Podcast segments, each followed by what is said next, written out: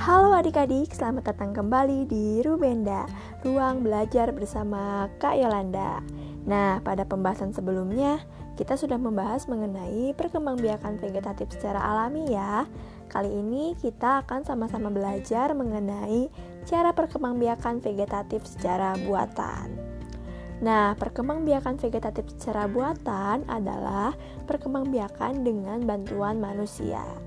Vegetatif buatan dapat dilakukan dengan cara mencangkok, mengenten atau menyambung, okulasi atau menempel, stek batang, dan merunduk.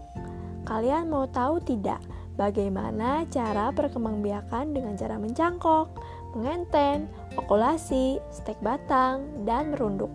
Yuk dengar dan simak baik-baik ya. Yang pertama ada mencangkok. Nah, mencakok adalah perkembangbiakan dengan cara mengupas kulit batang dan membungkusnya dengan tanah agar tumbuh akar pada bagian tersebut. Tumbuhan yang dicangkok harus memiliki batang kayu seperti pohon mangga, rambutan, nangka, dan masih banyak lagi. Lalu perkembangbiakan dengan cara stek. Stek adalah perkembangbiakan dengan cara memotong bagian tumbuhan kemudian ditanam langsung ke tanah. Contohnya adalah tumbuhan singkong.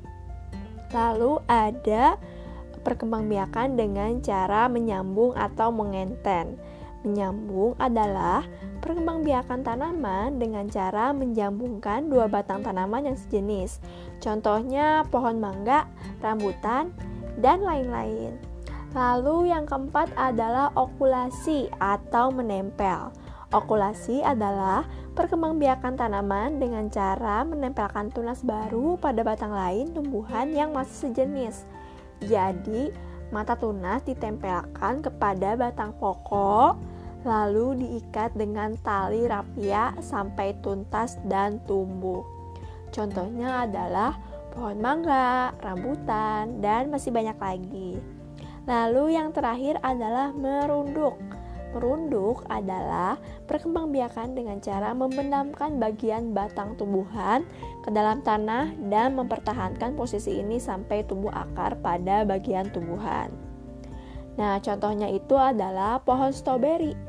Stroberi ini selain dapat berkembang biak dengan vegetatif alami yaitu geragi, ternyata stroberi dapat berkembang biak dengan bantuan manusia ya adik-adik, yaitu dengan cara merunduk. Nah, oke okay, adik-adik, sekarang kalian sudah mengetahui kan apa saja tumbuhan yang dapat berkembang biak secara vegetatif buatan? Jangan lupa diingat dan dipelajari lagi ya adik-adik. Semoga materi yang kakak sampaikan dapat bermanfaat. Jangan lupa tetap jaga kesehatan dan jangan lupa belajar. Sampai jumpa lagi di episode selanjutnya. thank you